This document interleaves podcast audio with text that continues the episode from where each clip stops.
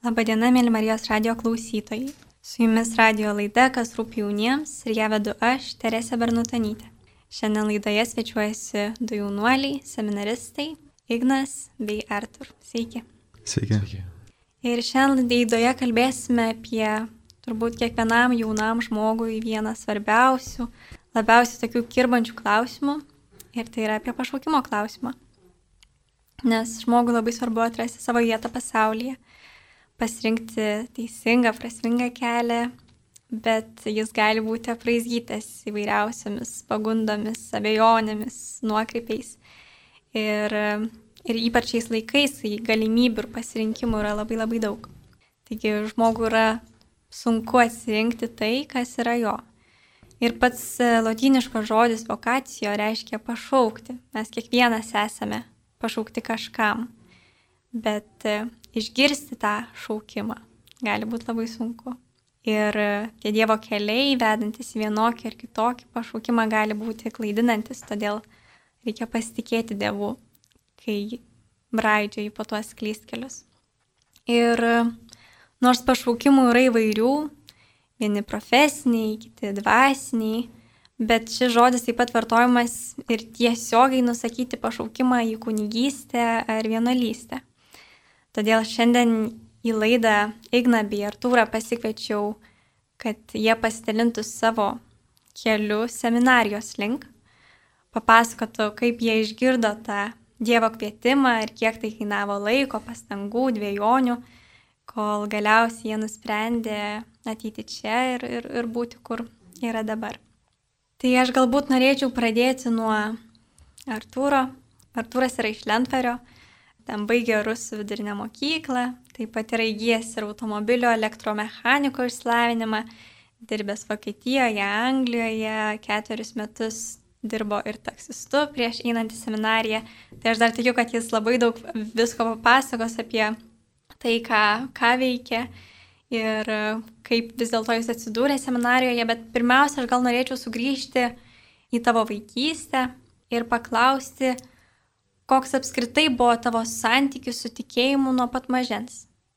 Kaip, ar tu užaugai tikinčioje šeimoje, kaip tas tavo tikėjimas atėjo į, į tavo gyvenimą? Tai pradėsiu nuo tokio klausimo būtent apie tai, kas turbūt yra esminis apie tikėjimą. Jeigu kalbėt apie tikėjimą nuo pat mažens, tai mano seneliai, e, jie yra tikintis iš visų pusių, iš motinos ir iš tėvo. Bet mano tėvai yra iš Ukrainos ir mes atvažiavom 86 metais ir mes kaip tapom atskirti nuo savo giminės. Ir mano motina labai stengiasi tikėjimą laikyti, mes visi maži vaikai su savo dviem aš sesėmis vaikščiojom į bažnyčią, bet kažkaip save tikinčių, kaip pavyzdžiui dabar aš negalėčiau pasakyti, kad aš buvau šeima nors puoselėjo, bet kai mes augdavom, jau pradėjau, pavyzdžiui, Vilnių važiuoti mokytis, tai aišku, tas tikėjimas jau nebuvo toks kaip jau vaikščiojimas su šeima į bažnyčią, nes rūpėdavo kiti dalykai. Ir po to, po baigimo profesinės mokyklos, jau prasidėjo galvojimas, ką toliau daryti ir pasiūlymai prasidėjo ir išvažiavau į Angliją, tai pirmas buvo, išvažiavimas. Be abejonės, su to išvažiavimo tas tikėjimas, jisai visiškai dingo, visiškai nebuvo. Ta prasme, viešpaties ten tikrai nebuvo. Ir po to vėl aš grįžau į Lietuvą, pabuvau irgi trumpą laiką, po to vėl išvažiavau į Vokietiją gan ilgam laikui ir tenais irgi nieko nebuvo su tuo susiję. Bet kai grįždavau namo, mano motina vis tiek vaikščiodavo į bažnyčią, tai aš irgi vaikščiodavau, bet su motina eidavau. Ta prasme, man, jeigu būčiau vienas, man to nereikėdavo daryti. Ir pasisuko viskas, kai buvau Vokietijoje. Tenais a, turėjo, jau man susikūrė problema su alkoholiu ir su cigaretėm. Uh, su cigaretė man iš vis buvo labai sunkiai ten apie daugiau negu 10 metų aš rūkiau ir tai buvo kliūtis gan stipri. Mes rūkyt buvo šimtai kartų Ir tas vis pasibaigdavo ten savaitę, tikriausiai daugiausiai, nu gal mėnesį ištemdavo, bet tu, o po to, po to savaitės ar mėnesio tiek prirūkydavai, kad, e, kad buvo blogai jau. Ir vat Vokietijoje atsimenu, kai sėdėjau ir galvojau, sėdė, sėdėjau ir galvojau, kad nu viskas, nu negaliu to, to pats, pats pašalinti. Ir tapo taip skaudu, kad nieko negaliu pakeisti. Ir va čia kažkas atsitiko, ateidamas į kambarį, antiek vad buvo bloga, antiek vad buvo skaudu, kad tiesiog vad kritau ant kelių, sakau viešpatė padėk. Kodėl tai pasakiau, netgi irgi dabar negaliu pasakyti, bet vid, kažkas tai viduj, kažkas viduj prašnekėjo. Ir kas įdomu nebuvo, taip kad tėvė mūsų kalbėjau, sveika Marija, kažkas nieko tokio nesakau, tiesiog padėk ir viskas, ir nuėjau mėgoti. O sekant, sekantį rytą jau gyvenau kitaip, bet to dar nesupratau, nes kai, pavyzdžiui, mes sėdėjom jau bariukė, aš supratau, kad aš jau nerūkau. Bet tą irgi nepastebėjau, o man tai pasakė, kad ar tu kažkodėl nerūkai. Aš net nepastebėjau, ką jie nori pasakyti tuo. Ir, bet kai praėjau pro parduotuvę ir pamačiau, kad aš čia ėjau, ko ėjau, atsiminiau, cigarečių, o dabar aš neeinu. Ir aš tada, ir aš tada supratau, kad kažkas pasikeitė ant tiek stipriai, kad aš jau pats to nesuprantu, bet žingsnis labai didelis. Tada vat kažkas jau įvyko, bet to dar iki galo nesupratau, bet jau kažkas vat įvyko su malda. Kitas mano žingsnis buvo, kai klausiau vieno kunigo, dirbdamas taksi, dirbdamas taksi, klausiau per YouTube vieną kunigą. Ir jisai taip kalbėjo, aš tiesiog sakau, wow, taigi čia yra atsakymai, į kuriuos e, labai ieškojau, labai seniai. Ir aš labai labai klausiau, klausiau ir jis maždaug sako, kad jeigu, jeigu tu nori pažinti uh, daugiau, gilin lyst, tai reikia skaityti šventąjį raštą. Nu ir va, man iš karto tada tapo atsakymas, ką aš turiu daryti. Ir aš pradėjau šventąjį raštą skaityti. Vienu momentu uh, girdžiu tokius žodžius, uh, kad jeigu tu neįsivedęs, pašves savo gyvenimą viešpačiui. Tokius žodžius, kuriuos vat iki dabar atsimenu, aš iki dabar negaliu jų rasti, bent jau kiek vat skaičiau šventą įraštą, negaliu, bet tą atsimenu labai gerai. Aišku, tada tuo metu aš pagalvoju, tai buvo atėjo jums mintis, kad čia kažkoks pašaukimas neišėjai, neišėjama, o čia kažkoks, sakė, kunigystė ar vienuolystė, kažkas tokio, bet aš iškart atmečiau, nes tai su mano gyvenimu labai nesusiję, aš tiksliai žinau, kad aš noriu šeimos. Ir čia toks buvo iškart atmetimas, grinas, tai prasme toks. Ir aš jau skaitydama šventą įraštą labai labai gilinausi į tą Jėzaus paveikslą, koks jisai turi būti.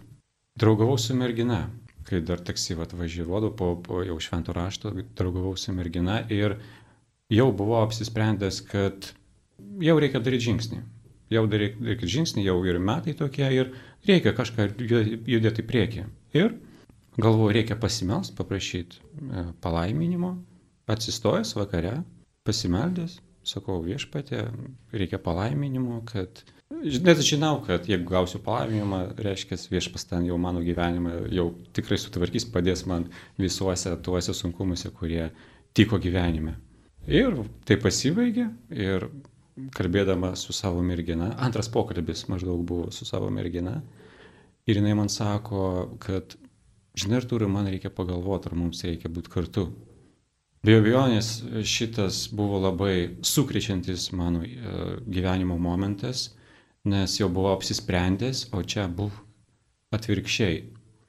Be abejonės maldoje e, klausiau viešpatį, ką tu čia padarėjai, aš tave prašiau vieno, o tu visiškai kitaip padarėjai. Ir labai, aišku, pikau dėl šito, bet man labai patinka kad jis, jis viešpats kaip, kaip tėvas man pradėjo aiškinti. Ir maždaug įvyko toks, va, nu, kaip sakyt, pokalbis. Pokalbis maždaug va toks yra. Visi klausia, ar tu gali rasti žmoną? Nu, aš va, galvoju, kad ras žmoną tai nėra labai sunku. Turiu to kandidačių, kurio, kur, su kuriais galėčiau susiženyti, tarsi būti kar, būt kartu. Galiu, taip, aišku, gal, galiu rasti žmoną savo. Sako, gerai. Ar tu, ar tu gali rasti žmoną, su kuria galėtum būti laimingas? Ir aš pradėjau galvoti, aha, laimingas. Žinau, kad ten vat, yra kitoje, ten vienoj gatvėje yra vyras, kuris kuris susitokė ir po trijų metų jie išsiskyrė. Ir a, girdėjau tokį gandą, bet tai nelabai man svarbu, kad ta moteris pradėjo labai elgtis kitaip, labai šiurkščiai ir tam vyrui nepatiko. Ir aš galvoju, jie susitokė, buvo laimingi nuo tos, e, tuo momentu, kai jie susitokė, buvo labai laimingi, o po trijų metų kažkas išlindo tos moteris viduje. Ir aš galvoju, taigi ten slypi kažkas viduje. Ir atsakydamas, galvodamas apie tai, aš galvoju, kad ašgi nematau to vidaus, to žmogaus, kas ten viduje darosi. Tai reiškia, jeigu aš rasiu, tai po laiko, po trijų metų galim išsiskirti. Ir aš, gal, ir aš taip ir atsakau, viešpatė, aš nežinau. Sakau, po trijų metų mes galim išsiskirti, tai reiškia, aš nežinau šitų dalykų. O jisai sako man, gerai, nu tarkim, tu radai tą, vat, su kuria galėtum ten labai laimingai gyventi, Sako, ar gyvenimo aplinkybės tau galėt, tu galėtum pasakyti, kad tikrai gyventum. Ir aš pradėjau galvoti, kad gyvenimo aplinkybės tau tikrai suteiks, kad tu gyventum laimingai su tą moterim. Ir aš galvoju, taigi, ir iš karto tokia mintis atėjo apie antrą pasaulinį karą. Jeigu, tarkim, mes susipažintume, santokai vyktų tam 37 metais, o po tų kelių metų ateitų karas, nu ir čia labai didelis išbandymas. Tikriausiai didelė tikimybė, kad mane į frontą išsiųstų. O jeigu ne, tai vis, visoji šaly yra sunkios aplinkybės ir netgi po karo yra nu, sunkus laikotarpis. Dar prie to, ten tsunami, taifūnai, lygos, vėžys, dar nu, kiti dalykai. Ir aš sakau, kad aš nežinau. Ta prasme, yra daug dalykų, kuriuo aš nežinau. Kas, vykst, gali, kas gali įvykti ateityje ir tiesiog nežinau. O jisai, o jisai man sako, Jeigu tu viso šito nežinai, tai gal verta pasitikėti tuo, kurio, kuris visą šitą žino. Po šito momentu mano gyvenimas, aš pradėjau galvoti ne tai, ko aš noriu, o, o ką jis, kaip jis mato, kaip mano tėvas dangiškasis mato visą šitą mano gyvenimą. Ir tuo dar nepasibaigė. Aš jau supratau, kad man reikia kažkaip kitaip galvoti.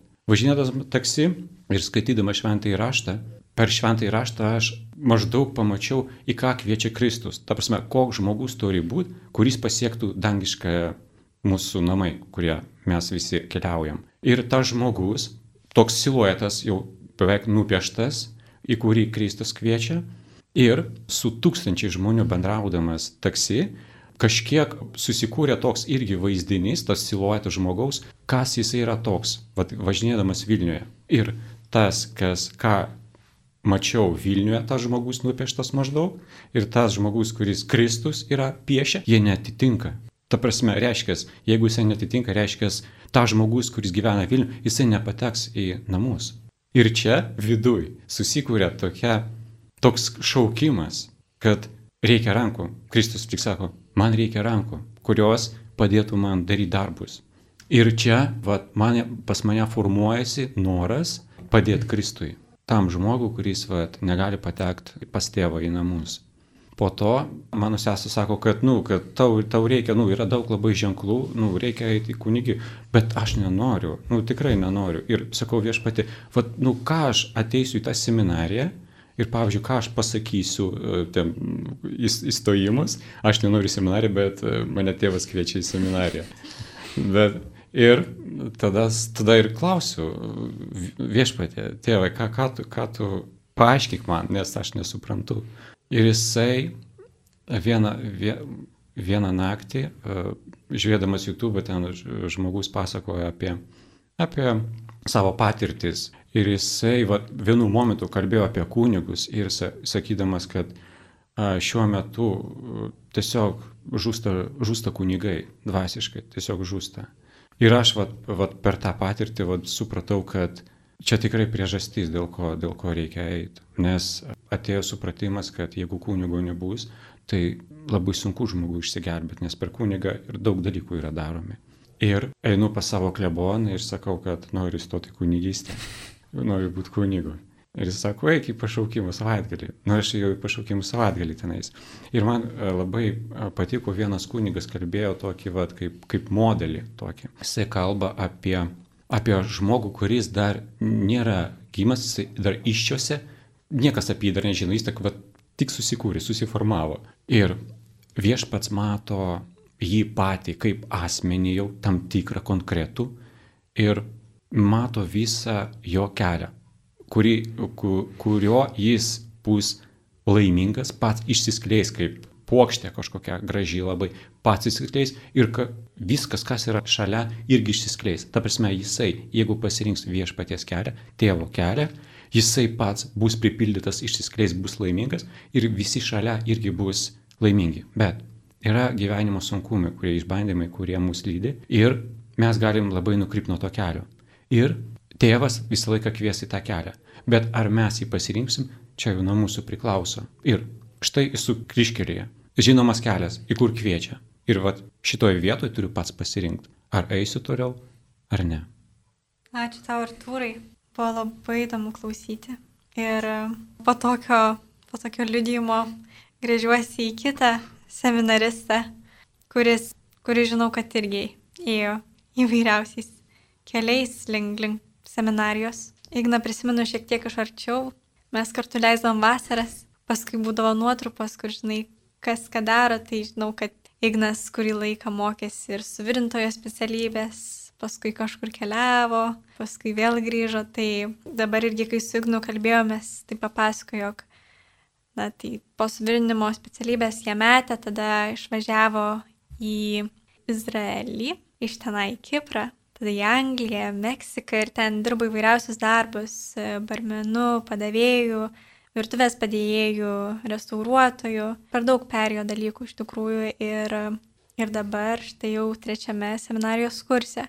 Tai Ignai, kaip dabar Artūras pasidalino, pasidalino tą savo istoriją, tai galbūt ir tu norėtum nušviesti mus ir pasakyti, kaip tu atradai tą kelią.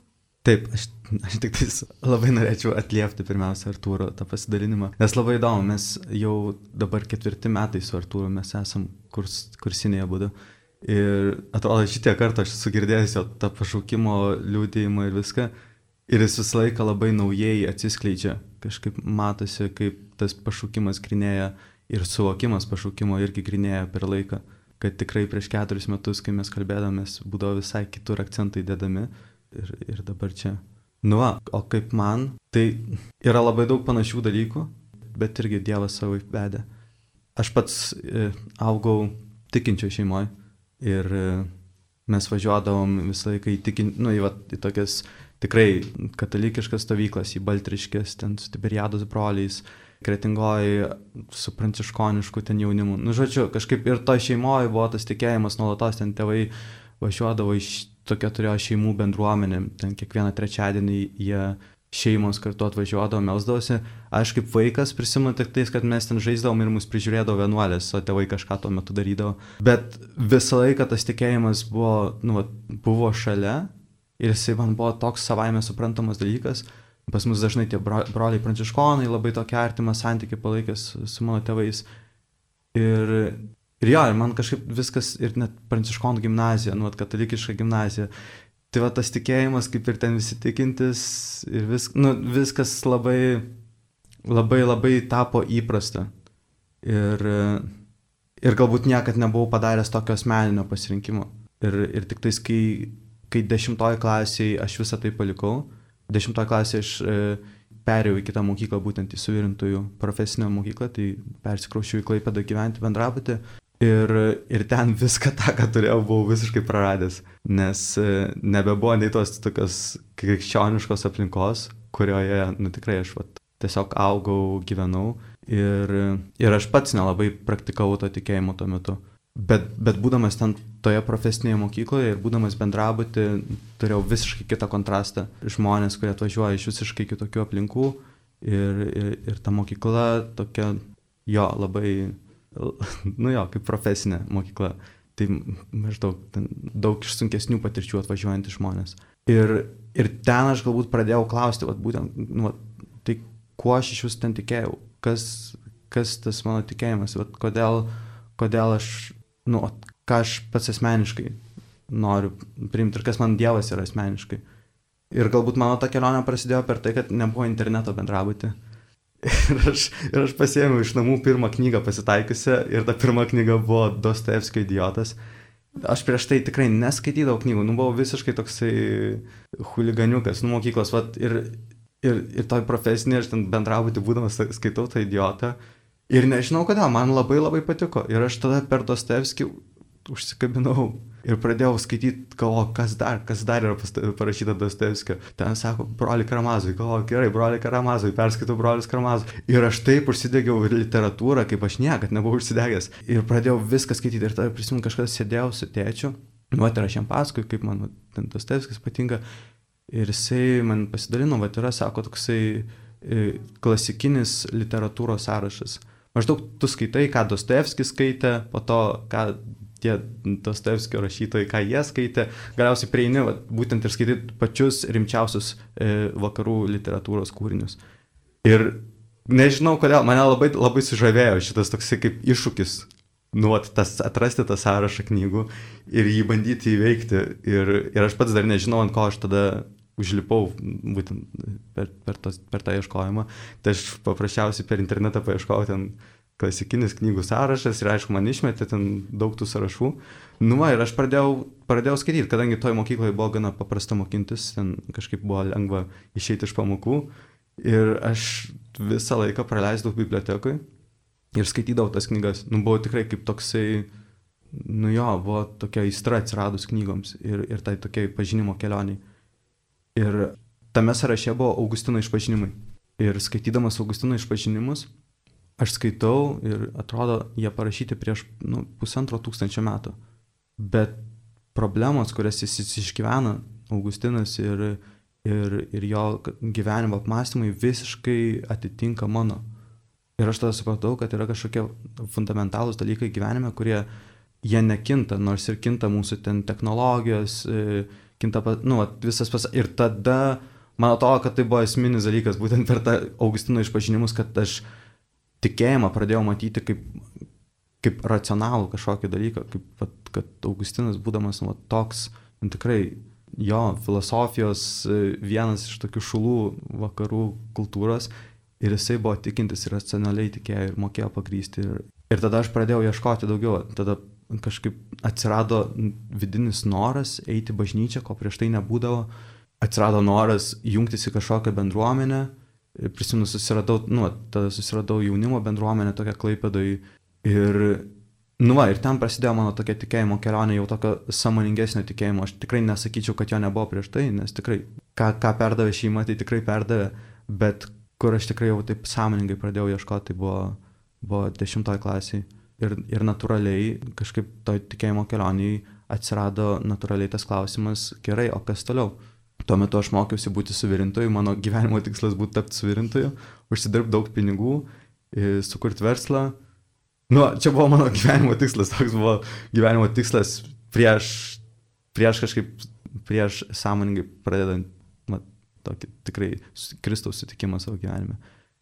Ir, ir tada aš maldoje ir klausiau, nu, tai gerai, tai koks, kur mane tada Dieve šaukia ką aš galiu daryti daugiau, ką aš galiu daryti kito. Ir, ir tada buvo tikrai tokie sutapimai, nesutapimai, nu, bet tokie man labai, labai aiškus atsakymai į maldą, kad e, Dievas mane šaukia į kunigystę. Bet kodėl dabar vėlgi, kai aš va, taip klausiausi Artūro ir, ir galvoju, geras, nu taip viskas e, primena kai kurie dalykai, va, būtent tas nenoras, nenoras to pašaukimo priimti, nes jisai nu tikrai man nebuvo kažkoks, va, o, norėsiu, noriu būti kunigu, nu tikrai ne, buvo toks dalykas, kuriam aš iškart priešinausi. Nu, galvoju, nu, ne, nu, kažkaip aš išėjau į tos kunigus, jie tokie man dažnai atrodo nelabai užsigrūzina kažkaip gyvenimą ir, nu, ir aš galvoju, nu, ir aš turiu, nu, kažkaip ne, ir mane čia Dievas šaukė, bet po truputį aš supratau, kad Dievas mane šaukia ten, kur aš būsiu labiausiai laimingas. Nu, vat, kaip ta plokštė, kai tu sakai, vat, kad jinai labiausiai išsiskleidus. Ir, ir tada visos tos kelionės, kodėl aš mečiau tą mokyklą, tai buvo būtent to paieška. Seniau galbūt aš akcentuodavau tas keliones, dabar aš suprantu, kad jos tiesiog man buvo suprasta tokia viena pamoka, kad kai aš pats bandžiau ieškoti, kur mano laimė, kad aš jos, ne, nu, man nelabai ją pavykdavo atrasti. Ir tai galbūt labiausiai man įrodė buvimas Meksikoje, nes nu, tai buvo tikrai mano va, tokia jau kaip ir svajonių šalis, kurioje aš buvau. Ir tuo metu aš buvau ir užsidirbęs pinigų, ir visko, nu, atrodo, visko turėjau. Ir, ir aš einu Meksikoje, prisimenu paplūdimį, ir, nu, ten viskas taip gražu, paplūdimys, palmės. Ir einu ir melžiuosi, ir visiškai tuščia širdį. Nusiprantu, kad ne, kad nu ne čia mano vieta. Ir tada grįžau, grįžau į Lietuvą, pabaigiau į mokyklą, kurią buvau metęs. Ir, ir tada stojau į seminariją ir buvo labai keista, nes kai įstojau į seminariją, nu, į va, tą vietą, kur visiškai nenorėjau, kur atrodė, nu, priešinasi viskas man jie ten stoti, atsirado toks vidinis džiaugsmas ir tokia vidinė pilnatvė, kurios niekad nebuvau patyręs prieš tai. Buvo labai keista, aišku, jinai po to pranyko, nat natūraliai, bet, bet tas, tas pirminis džiaugsmas toksai, tai man buvo vienas didžiausių patvirtinimų, kad būtent čia Dievas mane šaukia ir, ir, čia, ir čia aš būsiu labiausiai su juo. Nes jo, prisimenu, nu, tas, kas mane labiausiai motivavo, būtent visą laiką būdavo maldoje, nu, Jėzu, kad aš būčiau su tavim labiau. Ir visai buvo, kad būčiau, su, ne, ne tai, kad čia man kunigystė, ne kunigystė, ne, kad aš būčiau su tavim labiau. Ir, ir aš supratau, kad jisai mane būtent šaukia čia, kad aš būčiau labiau su juo.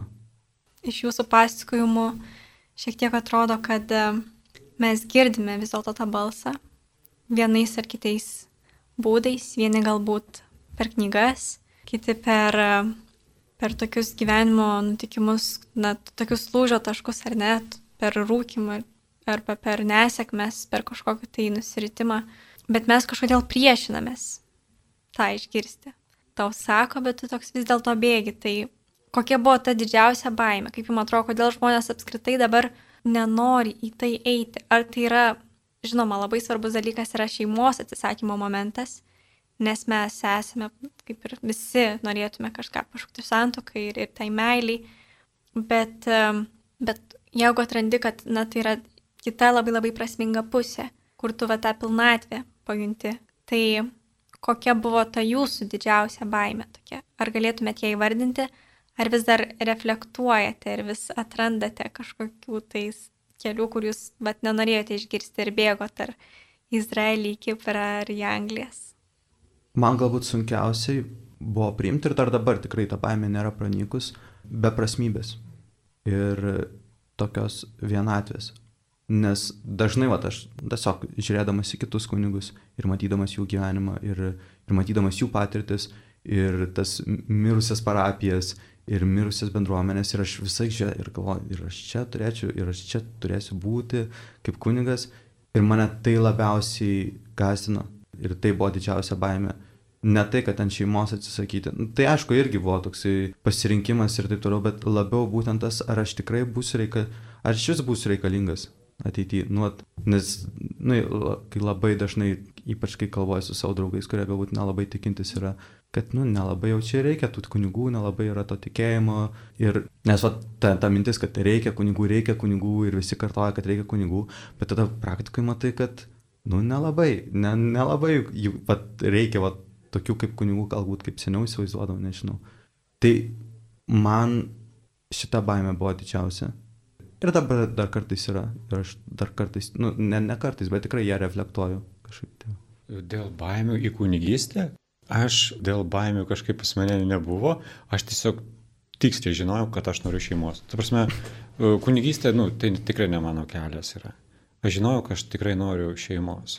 Tas lūžio taškas, e, kai, kai jisai buvo nuo lūžio taško, praėjo apie, galiu klyst, apie dviejus metus. Tai tas vad brandinosi, viešpats brandino, e, siuntė ženklus įvairiausius į tą, bet į tą kunigystę aš žiūrėjau, nu, tasgi kunigas yra ufonautas, vat, nu, jisai iš kito pasaulio, jisai visiškai netitinka to žmogaus, kuris yra pasaulyje. Ir iškart iššūkis tada kyla, nu, tu irgi, tu, nu, jeigu tu eini tenais, tu irgi tu nori būti ufonautu, iš kito pasaulio. Čia gal dar yra susijęs su tuo, kaip tik e, ruošiantis vieną knygą skaičiau, tai tokio jauno pranciškono Cozy Cole ta knyga vadinasi pašaukimas ir jisai dalinasi tuo, sako, kad net ir pasakius Dievui taip, tu paskui atsiduri tokioje situacijoje, kad tu atini į seminariją ar ne, pradžiai tas vidinis džiaugsmas, ta pilnatvė, bet tada mes susidarim akis į akį su kažkokia tai realybė, kad tu jau vien tik ateidamas į pašaukimą tai nereiškia, kad tu gausi tą išganimą. Tau gali atsiverti visokiausių situacijų, kur vat, galbūt ir jausiasi kažkaip nežinau, neišpildęs bendruomenės lūkesčių arba nereikalingas, arba dvasiniai tavo seminaristai šalia galbūt nebus tokie, kokiais tu tikėjai, kad jie bus ar ne. Tai mano klausimas jau mūsų laidai einant į pabaigą dar būtų apie tai, kokiais iššūkiais susidurėt dabar. Ar vis dar reflektuojate, kad ar jūs čia, ar jūs savo vietoje, ar dar išlenda tų baimių, ar išlenda tų baimių, kur dabar esate. Ir, ir dar toks klausimas būtų, ar, ar manote, kad pašaukimo reikia ieškoti pačiam, ar reikia labiau pasitikėti tą vedamą Dievo ranką ir tiesiog klausyti kartais ir, ir ten vis, kur reikia. Gal atsakant taip iškart į paskutinį klausimą, kad tai labiau galbūt kaip bendradarbiavimas vyksta. Tai nėra, kad, nei kad čia tau Dievas numeta maždaug pašaukimą ir tu dabar jį rinkis, bet labiau, kad mes kartu kūrėme kažką ir tame santykė su Dievu tas pašaukimas krinėja. Ir tada apie iššūkius, jo, suvokti, kad suvokti pirmiausia, kad nepasibaigia viskas ties to, kad aš įstojau į seminarę ir viskas, maždaug dabar čia automatinį režimą jungiam ir nieko nebereikia daryti, kad, kad pirm, pirminis ir pats pagrindinis pašaukimas yra išventumą kiekvieno iš mūsų. Ir, ir kad šitas pašaukimas yra pats svarbiausias ir jį reikia atsiliepti kiekvieną dieną. Nes, nu, ką aš žinau, kunigu gal aš net netapsiu, gal aš rytoj man ten gali kas nors nutikti ir aš jau būsiu ligoniniai ir viskas, ir pasibaigs mano visas kunigyšių siekimai. Bet į šventumą aš esu kviečiamas šiandien, rytoj, kiekvieną dieną. Ir atsiliepti į šitą, jo yra visada sudėtinga, nu, man tai labai sudėtinga.